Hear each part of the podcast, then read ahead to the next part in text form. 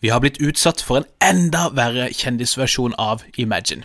Samtidig har FNs generalsekretær mana til global våpenhvile, Kim er tilbake igjen på jobb, og vi får besøk av historiker og forfatter Asgeir Ueland, som skal fortelle om siste nytt innen israelsk politikk. Dette er Hva skjer med verden?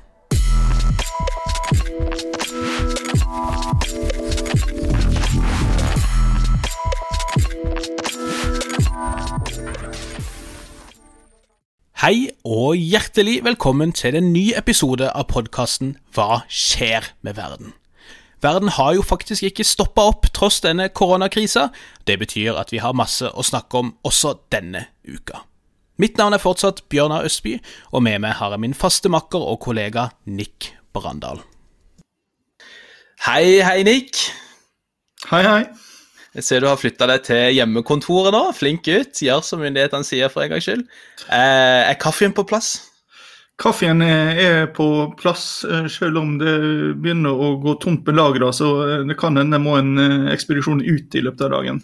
Nei, altså flytta hjem det er når ledelsen sitt forsøk på å, å tvinge oss hjem ved å slå av kaffemaskinen slo feil, så ble jo neste forsøk å prøve å fryse oss ut. Og det, det fungerer litt bedre.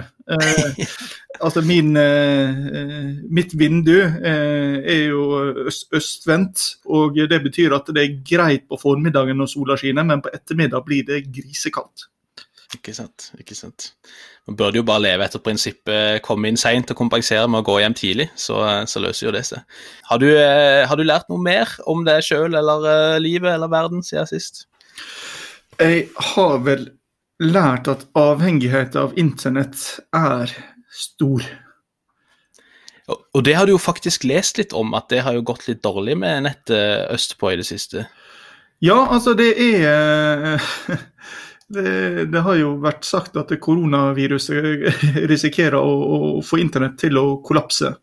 Og Vi har jo tall fra um, Hubei, altså den kinesiske provinsen der Wuhan er hovedstaden, som viser at uh, hastigheten på de mobile internettet der har siden januar falt med ca. 60 Altså det er, det er, rett og slett kapasitetsproblem eh, i nettet. Og, og, Vi har jo snakket om at Netflix og YouTube og lignende har gått med på å redusere bildekvaliteten, altså hvor mye stor mm. del av bredbåndet eller internettet de bruker.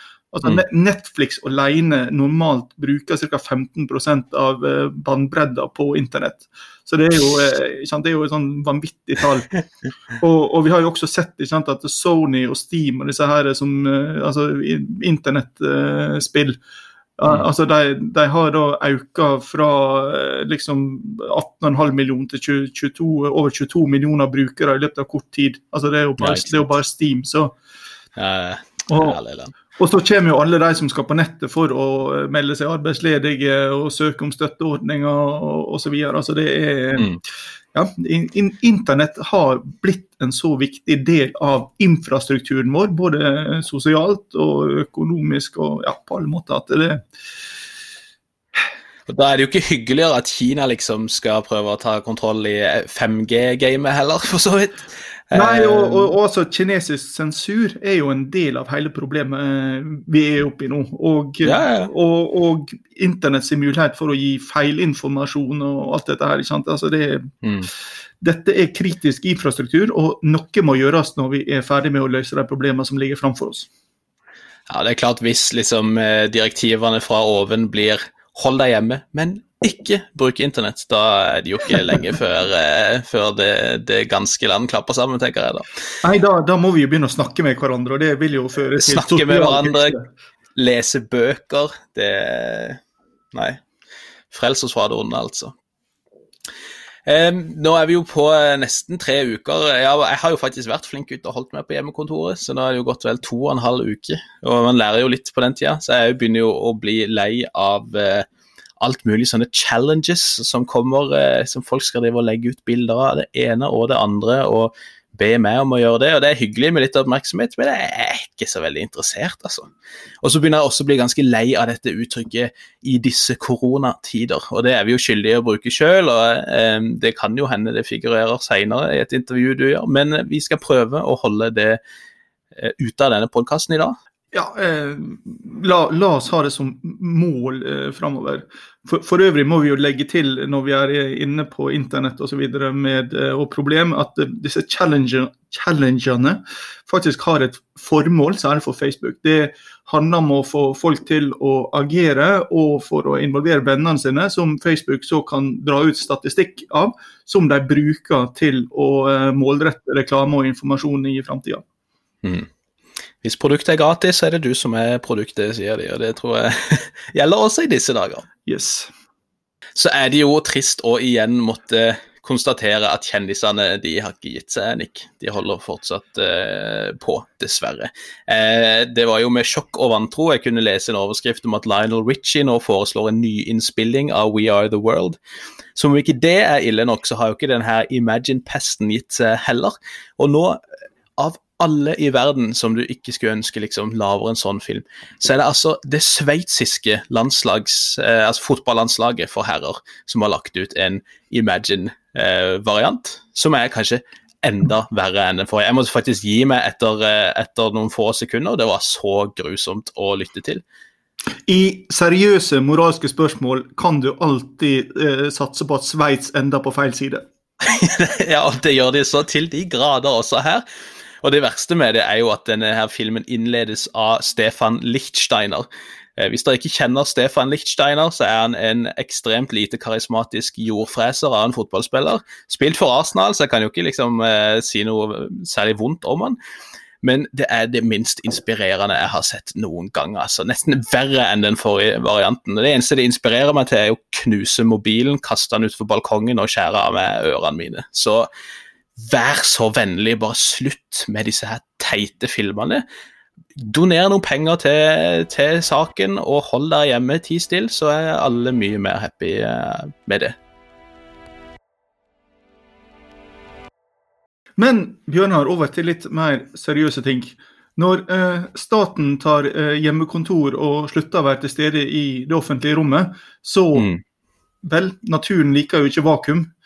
Eh, da har vi sett at det er andre grupper som har vært villige til å fylle dette tomrommet. Ja, altså som i naturen så liker ikke politikken heller vakuum.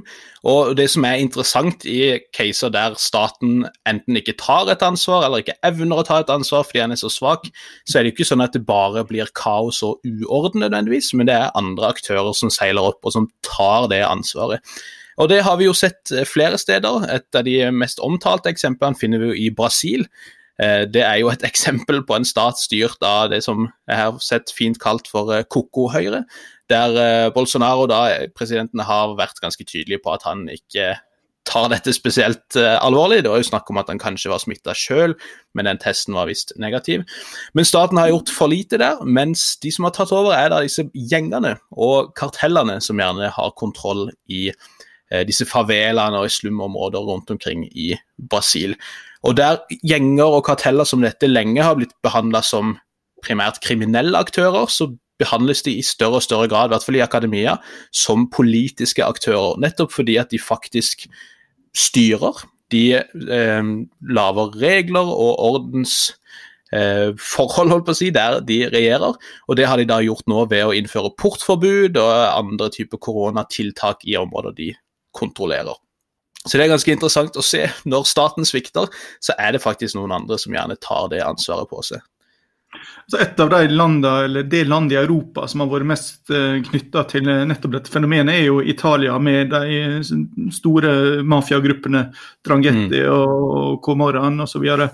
Og Det var jo en italiensk lege som havna i eh, superproblem når han skrev på sosiale medier at nå måtte mafiaen ta ansvar og sørge for at Eh, sosial distanse ble, ble hen, opprettholdt.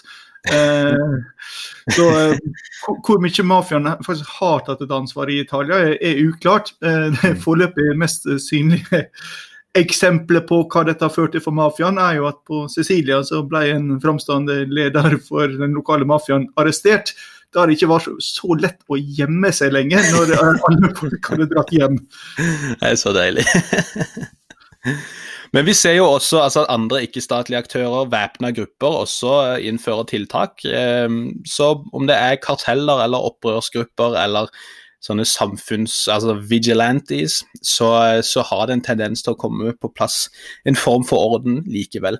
Men det er også interessant å se hvordan dette ikke bare foregår på, si, på bakkeplaner, om du vil, men også hvordan flere av disse megaselskapene der ute seiler opp nærmest som en slags sånn protostater. At de også fyller noe av det tomrommet som stater ikke tar. Vi har jo eksempler med Netflix, f.eks., som har donert store summer Eh, og Facebook, som har donert masse utstyr som jeg ikke helt skjønner hvorfor de satt på i, i første omgang, men som faktisk fyller inn noen nærmest sånn statlige eller overstatlige funksjoner. da. Altså det, det, kan jeg faktisk eh, forklare. fordi Hovedkvarteret til mange av disse, her, inkludert Facebook, er i California. Og California har jo eh, fått ganske mye eh, hyppige branner de siste åra. Så de har faktisk lagra opp munnbind og lignende i, som en sånn beredskap eh, for disse skogbrannene. Så det er ikke fullt så ille som man kunne frykte, men, eh, nei, nei. men like, like, fullt så er det jo interessant da, å, mm. å, se at uh, den infrastrukturen som staten mangler, nå da altså finnes hos disse uh, bedriftene. Mm, mm.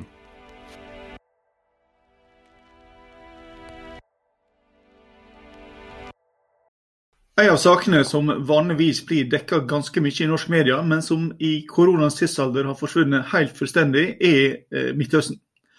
Og eh, For å få en liten oppdatering på hva som skjer i eh, politikken i Midtøsten, så har vi, om ikke fått kontakt med vår mann i Ramallah, som det het på NRK i gamle dager, så har vi fått tak i den norske forfatteren og historikeren Asker Uland, som bor i Israel, for å gi oss en kjapp oppdatering.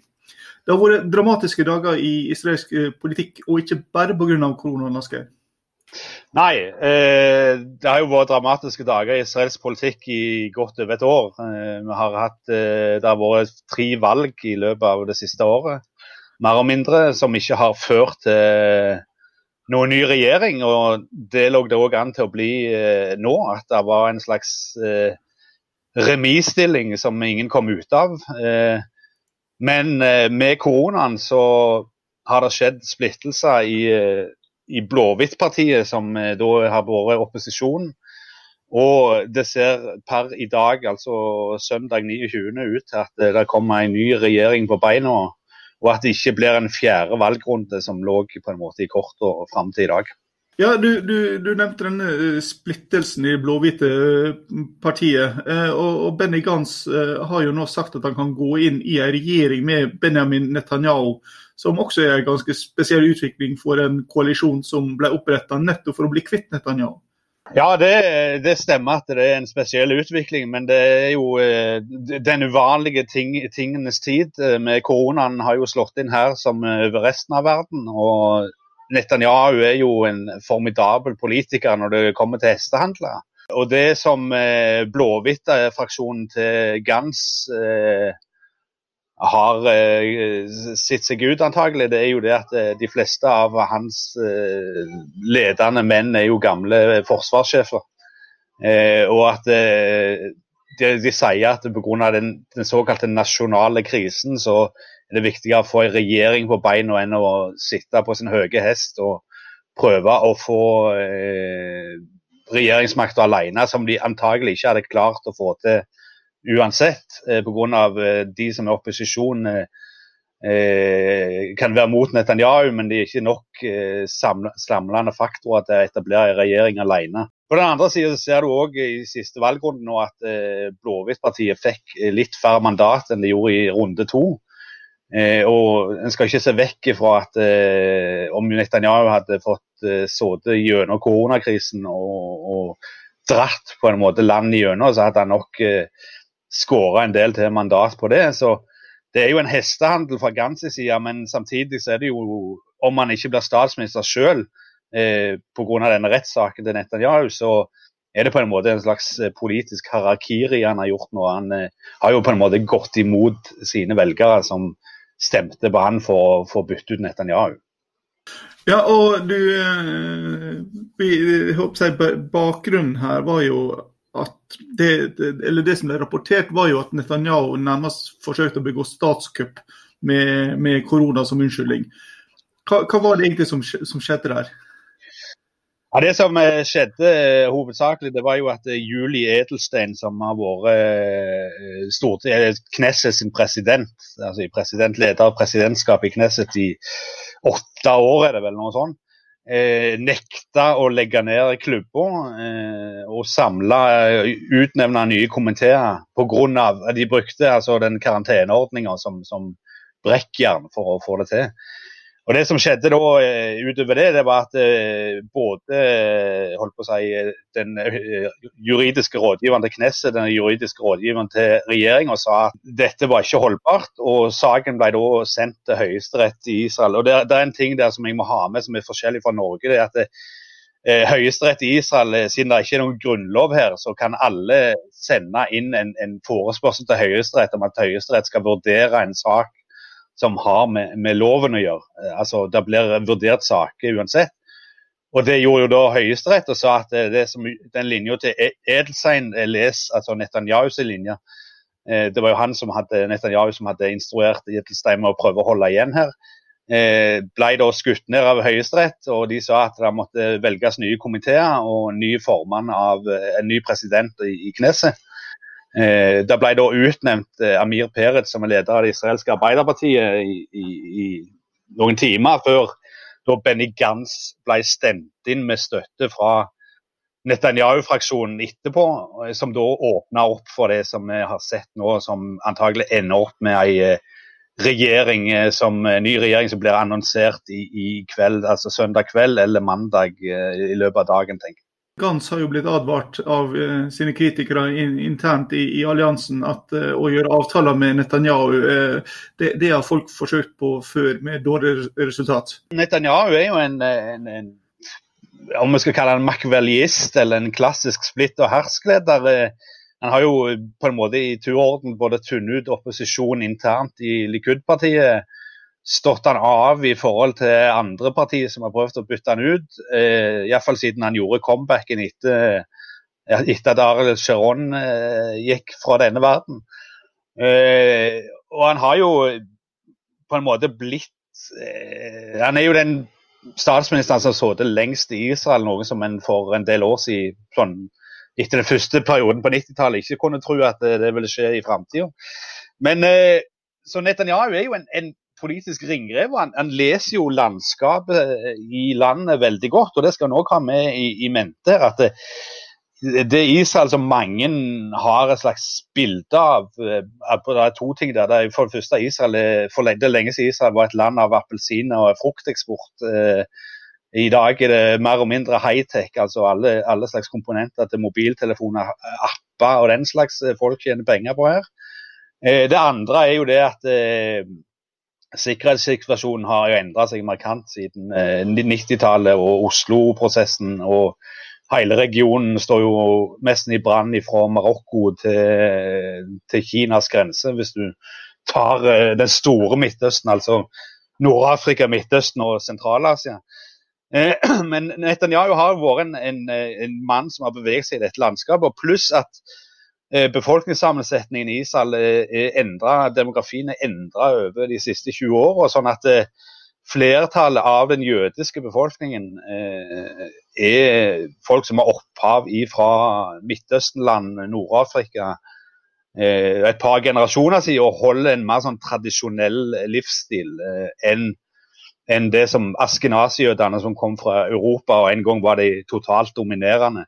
Og Selv om Netanyahu selv er askenazi, så er det jo mange av disse såkalte misrachim, altså de som kommer fra Midtøstenland, et eh, par generasjoner siden, som er da eh, falansen i, i Likud-partiet. Og, og, de har jo stemt eh, Likud en blokk siden 70-tallet, men med åra har de blitt flere, en større del av befolkninga. Og, og, dermed så har liksom de demografien i israelsk politikk eh, skifta seg. og og, og, disse fra Midtøsten eh, har hatt et nag til Arbeiderpartiet i mange år, fordi at de mente at de ble eh, eh, sett på som mindreverdige av det tradisjonelle Arbeiderpartiet i dette landet.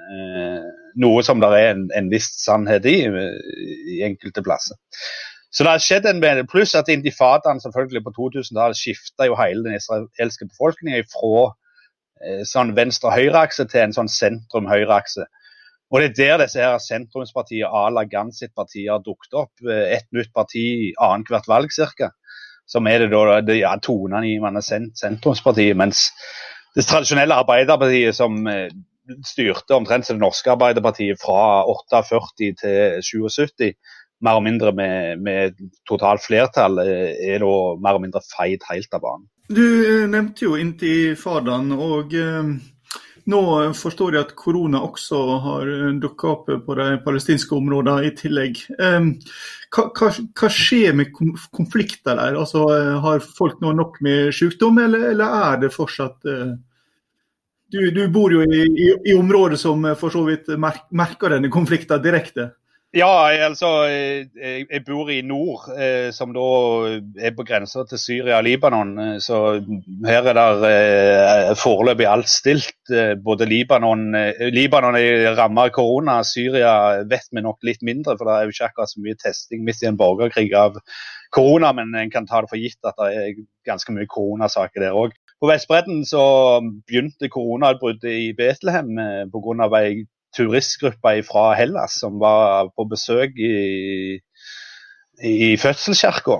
Eh, og det spredde seg da utover derifra. Men det ser ut per nå at eh, de palestinske myndighetene på Vestbredden har eh, en slags kontroll på, på spredninga og fikk isolert disse folka ganske raskt. De som altså ble smitta. Eh, og det er vel én som har dødd i det palestinske området siden koronautbruddet kom. Der er tett samarbeid mellom Israel og, de palestinske områdene om eh, beredskap og, og smitteutveksling. Alle grensene er stengt utover. Det er ikke turister som kommer inn lenger. Eh, alle turister som kommer hit nå må gå to uker i, i isolat, så det er jo ikke noe poeng å være turist da når du må sitte på et hotellrom i to uker og se i veggen. Eh, på Gaza er det vel meldt om, så vidt jeg har fått med meg, to tilfeller til nå. Eh, det var en rakett som ble skutt fra Gaza inn i Israel eh, i forgår, var det vel. Eh, men det var en, en, en eh, Om det var et, et, rop om hjelp eller om det var andre ting, det, det er ikke godt å si. Men det gjør jo at hele, hele denne konfliktståa er jo gått litt i, i, lås, og fokuset er andre steder enn en på selve konflikten. og det er nok litt gjengs for, for, for hele religionen, altså. men i Midtøsten er problemet at i mange av landene i Midtøsten som, som er på en måte utviklingsland, så, så, vet vi egentlig ikke hvor mange som er smitta pga. at eh, testregimet er såpass dårlig at eh, eh folk kan dø uten at en eh, på en måte nødvendigvis klarer å, å tilbakeføre det til korona pga. at eh, kapasitetene i disse landene er såpass dårlig. Eh, Litt unntak med de palestinske områdene, der de har eh, relativt bra med sykehusseng og sånn. Jeg tror jeg hørte en palestinsk leder som snakket om at de hadde jeg lurer på om han snakket om de hadde noe sånn 600-700 senger som kunne ta imot eh, koronapasienter, altså pustemaske og den slags.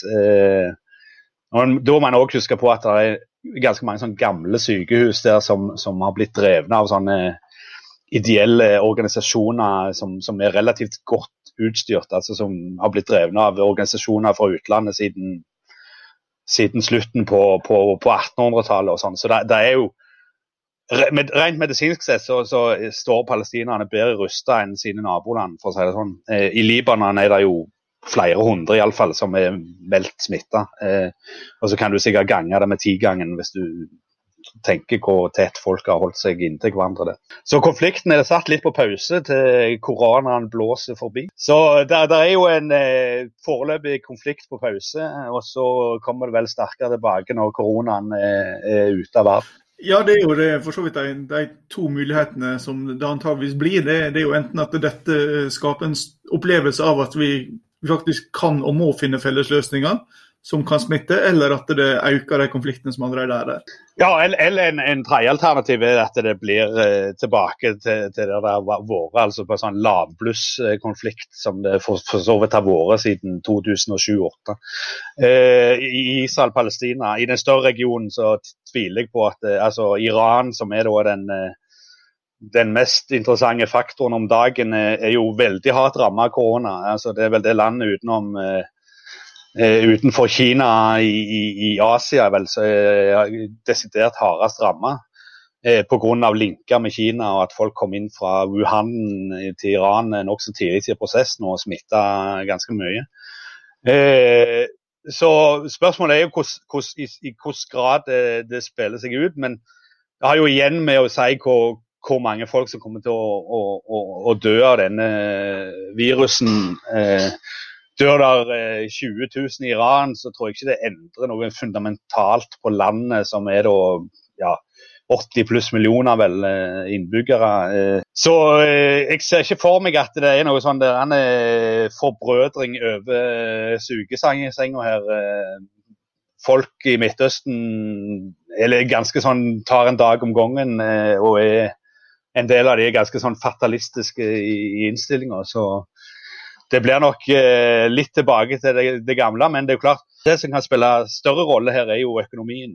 Altså Hvis eh, økonomien eh, stagnerer og, og en får en resesjon som kommer til å vare en stund, så, så er det jo klart at eh, en må begynne å se litt mer på kostnader. Og, og, og det koster en del å holde konflikten gående.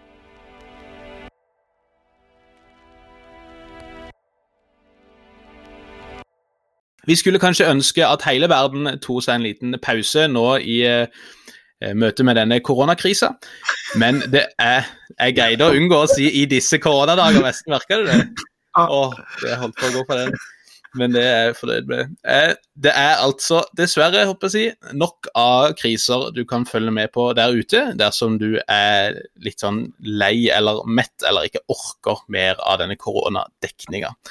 Og eh, USA er jo et eksempel, eh, Nick. De har jo nok å stri med på, på hjemmebane, men de surrer jo rundt som vanlig også utenriks.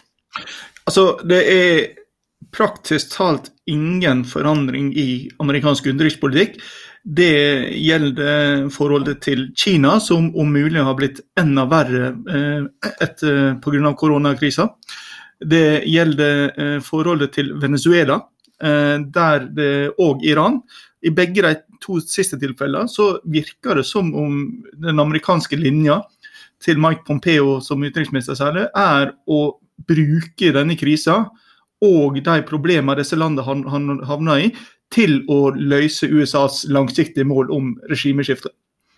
Mm. Eh, altså Der man kunne tenke seg at eh, medmenneskelighet og humanisme og så videre gjorde at man nå prøvde å bidra til å løse denne konflikten globalt, så skrur man eh, tvert imot til mot de mm. eh, landene man på forhånd eh, hadde problemer med.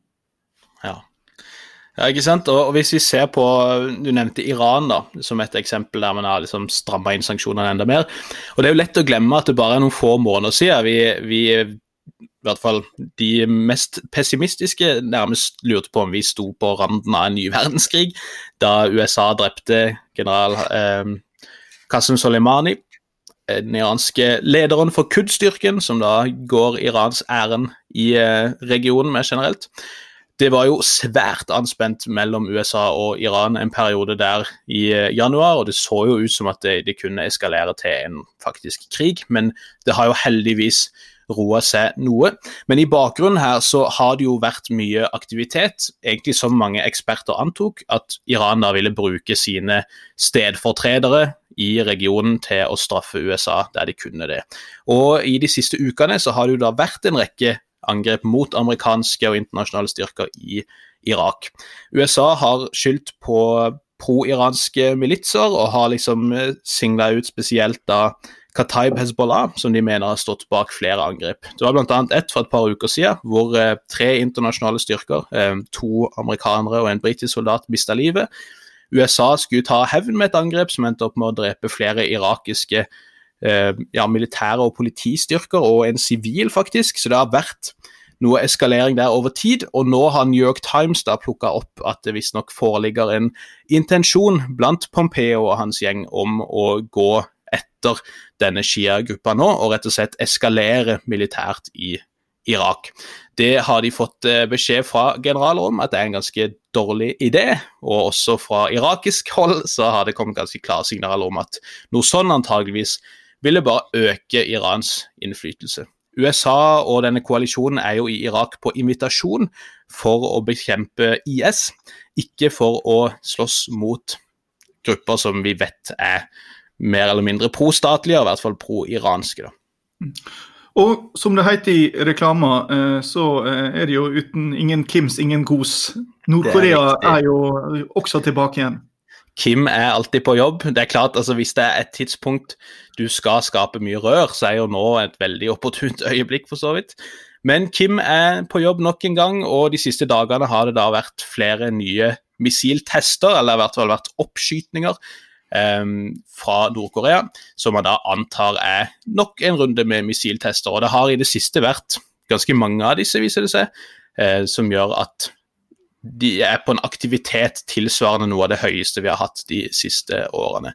Så der eh, Trump har eh, vært flink til å liksom eh, dukke opp på bilder, og det har vært masse bra sånne fotosessions og sånt, så har de jo ikke egentlig endra noen ting, så vidt jeg kan forstå. Og eh, det ser ut som det foreligger en intensjon om å modernisere og utvikle videre dette kjernevåpenarsenalet i, i Nord-Korea også i tida som kommer. Men eh, i avdelinga for saker som ikke blir dekka i norsk offentlighet, eh, så har vi jo Afrika. Ja, og det er klart det er mye vi kan snakke om eh, når det gjelder Afrika i, i disse dager, ikke tider. Men jeg har lyst til å bare nevne kort at det har vært dessverre en ganske god uke for afrikanske jihadister.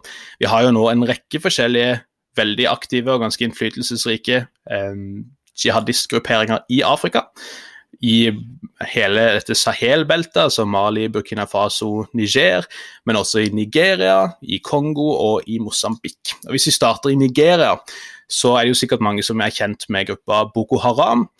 Den er jo nå splitta i to eller kanskje flere grupperinger. Den ene kjennes som IS i Vest-Afrika, eh, mens den andre kjennes fortsatt som Boko Haram. Og Begge disse gruppene har stått bak noen ganske voldsomme angrep mot eh, militære styrker nylig.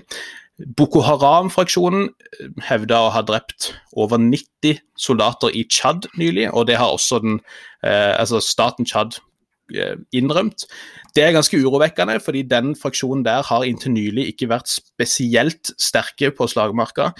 Og Tsjads styrker regnes som en av de bedre hærene i regionen. Så det at man greier å gjennomføre et så dødelig angrep, lover ganske dårlig.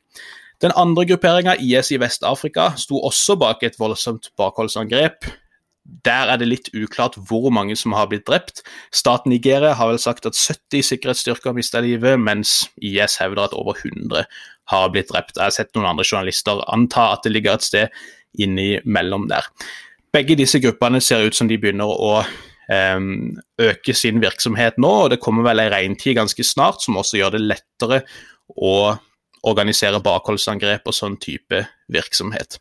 Vi kan snakke om hele dette Sahel-beltet og krisa der en annen gang, men jeg ser flere og flere eksperter advare om at situasjonen egentlig fra Burkina Faso og helt til Nigeria begynner å minne veldig om situasjonen i Irak, kort tid før IS greide å ta veldig store områder der på veldig kort tid. Også i Mosambik har vi en gruppering som har stilt seg inn under IS-paraplyen. De kalles for IS' Sentral-Afrika-provins. Og de har vært svært aktive i grenseområdene opp mot Tanzania i Cabo Delgado-provinsen. Og sist uke så lykkes eh, noen av disse opprørerne med å ta over en by midlertidig. Det ser ut som de trakk seg ut selv, men de gikk inn der, ødela masse materiell, stjal til seg masse militært materiell og drepte et antall sikkerhetsstyrker. Eh, og fikk også spilt inn noen propagandavideoer der som eh, mana til at flere skulle stille seg under dette sorte banneret. Så det at de i det hele tatt evner å ta en by midlertidig, lover ganske dårlig. Og de har vist seg å være veldig seigliva. Man har faktisk sendt inn denne russiske Wagner-gruppa, som vi nevnte sist i en libysk kontekst. Også de har fått ordentlig juling. Så eh, det er et vanskelig problem som man ikke har forsøkt å takle politisk i særlig grad. Og i tillegg så er det også ganske store interesser rundt naturressurser i dette området som kompliserer det desto mer. Så det er verdt å følge med på situasjonen både i Mosambik og Nigeria, og så kan vi komme tilbake til Sahel-beltet litt seinere.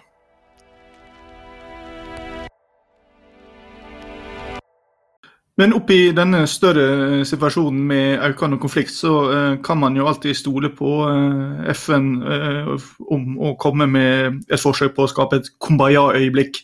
Og generalsekretær Guterres har jo da mant til global våpenhvile i forbindelse med koronakrisa. Mm.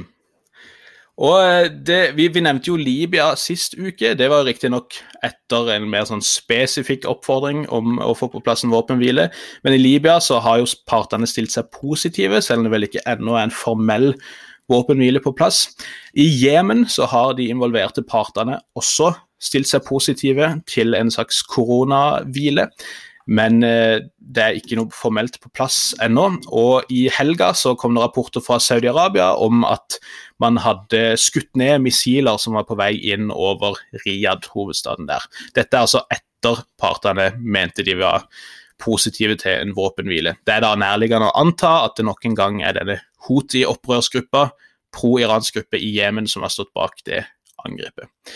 Også i Colombia har eh, den marxistiske opprørsgruppa ELN, som har holdt på siden vel 60-tallet, tror jeg, erklært en eh, unilateral våpenhvile og sagt at de i hvert fall eh, ikke skal stå i veien holdt på å si, for håndteringa av koronakrisa. Så får vi se, vi skal holde dere oppdatert hvis det dukker opp flere eksempler fra resten av verden.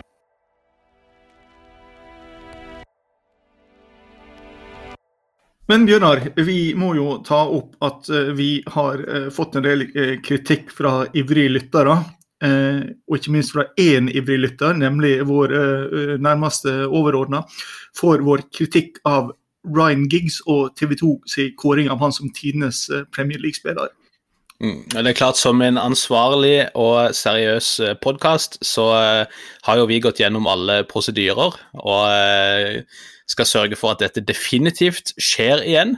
Vi legger oss på ingen måte flate, og eh, vi står for hvert enkelt ord vi, vi sa om den saken der. Det er egentlig alt jeg har å si om, eh, om det. Ja, om eh, mulig så vil vi forsterke den kritikken vi kom med. Ja, vi har mer på lager for å si det sånn, men vi har ikke lyst til å bli personlige. Så if you know, you know. Mm. mm.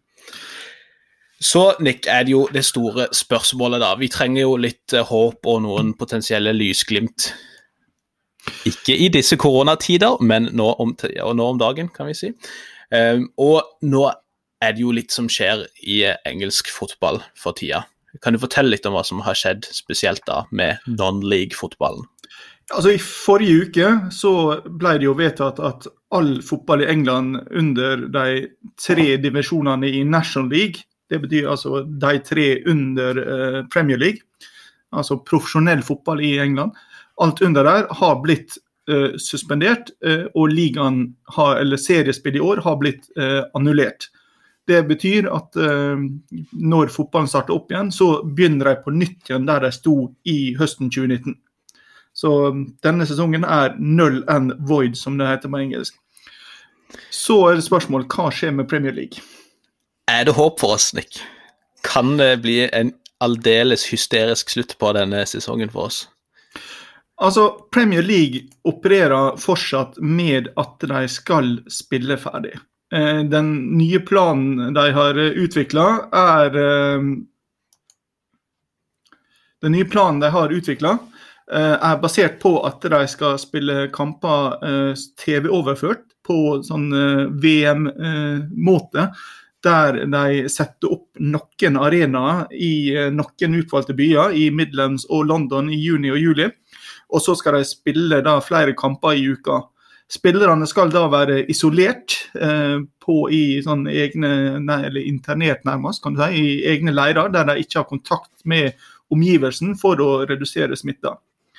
Um, hvor realistisk dette her er. Vi, vi har jo sett f.eks. når det gjaldt OL i, i Tokyo, at uh, toppidretten gjør ikke det rette før de har prøvd absolutt alt mulig annet. Mm. Uh, og, så dette kan kanskje virke mer desperat enn realistisk. Ikke minst ja. hvis du mm, følger med på det britiske myndigheter sier. Altså, i, I går så ble det skissert uh, at det mest sannsynlige scenarioet var at det ville ta seks måneder før mm. noenlunde normalt liv kunne gjenopptakes. Ja. Eh, denne Da fremstår det ganske uansvarlig å skulle dundre i gang med fotball lenge før den tid. Ja, altså forslaget, eller altså Det scenarioet de hadde, var jo at nå vil det ta tre uker før de ser vil, om tiltakene virker. Og så vil det ta to eller tre måneder etter det før de ser om eh, dette har, har hatt varig virkning. Og vel, hvis vi da i praksis nå tar eh, fire måneder og legger på fra 1.4, da har vi kommet så langt at eh, Premier League sitt forslag er uaktuelt. Og så er det jo Mm. spørsmålet hva gjør du da hvis eh, ett lag får én koronasmitta spiller, og dermed må hele laget i karantene i 14 dager? Da, da ryker Ja, ja. det direkte Da klapper det jo sammen med en gang. Så er det klart det kompliseres jo også av altså, så klart, men, men disse økonomiske interessene, spesielt for disse TV-selskapene som har betalt for et produkt som skal gå over en hel sesong, og som plutselig blir frarøva de siste Ja, det er jo en del runder igjen, vel? Det er jo på noe sånn som 95 kamper totalt igjen som gjenstår. Ja, nok Eh, og, eh, og det er klart, de TV-pengene der, hvis de fratas fra klubbene, at de må betale tilbake det på en eller annen måte, så er det klart det blir eh, særdeles eh, tungt å, å håndtere for en del av disse mindre klubbene. Så jeg, det har jo vært spekulert vel at dette kanskje kan gi mer framdrift til denne bevegelsen mot å opprette en eller annen slags sånn superliga da, med disse toppklubbene. Eh, noe jeg virkelig håper ikke skjer. Altså Inn i økonomien her så er det jo interessant å se at eh, Be Sky Be, som eier rettighetene i England, eller hovedpakken i England, eh, de har eh, da åpna opp for at alle kan kansellere abonnementet sitt på Premier League-pakken. Mm. Det høres, og, og gjør det gratis uten avgift. Det høres i utgangspunktet veldig bra ut, men eh, nesten ingen har kjøpt denne pakken til full pris. Og det de får beskjed om når de prøver å kansellere, er at eh, når, hvis de da skal abonnere igjen, så vil de måtte betale full pris. Så Ja, det som skjer, er jo at de fleste fortsetter abonnementet eh, med, med håp om at ikke eh, oppholdet blir for lenge, og så fortsetter de da å betale. Ja. Eh. Nei, vi får avslutte med en liten solskinnshistorie fra Aston Villa-spiller Jack Grealish. Kan vi ikke det, Nick? Ja, eh, fotballspillere tar jo også ansvar og spiller inn videoer eh, hvor de oppfordrer folk om å opptre ansvarlig. Og Jack Grealish er ikke noe unntak. Eh, I forgårs var det vel, så spilte han inn en video der han sa at nå må dere holde dere hjemme, eh, ha sosial distanse og opptre ansvarlig.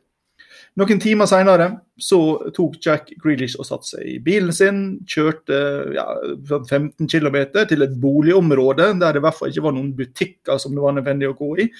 Krasja inn igjen to-tre andre biler, eh, gikk ut av bilen eh, og fortsatte videre til fots.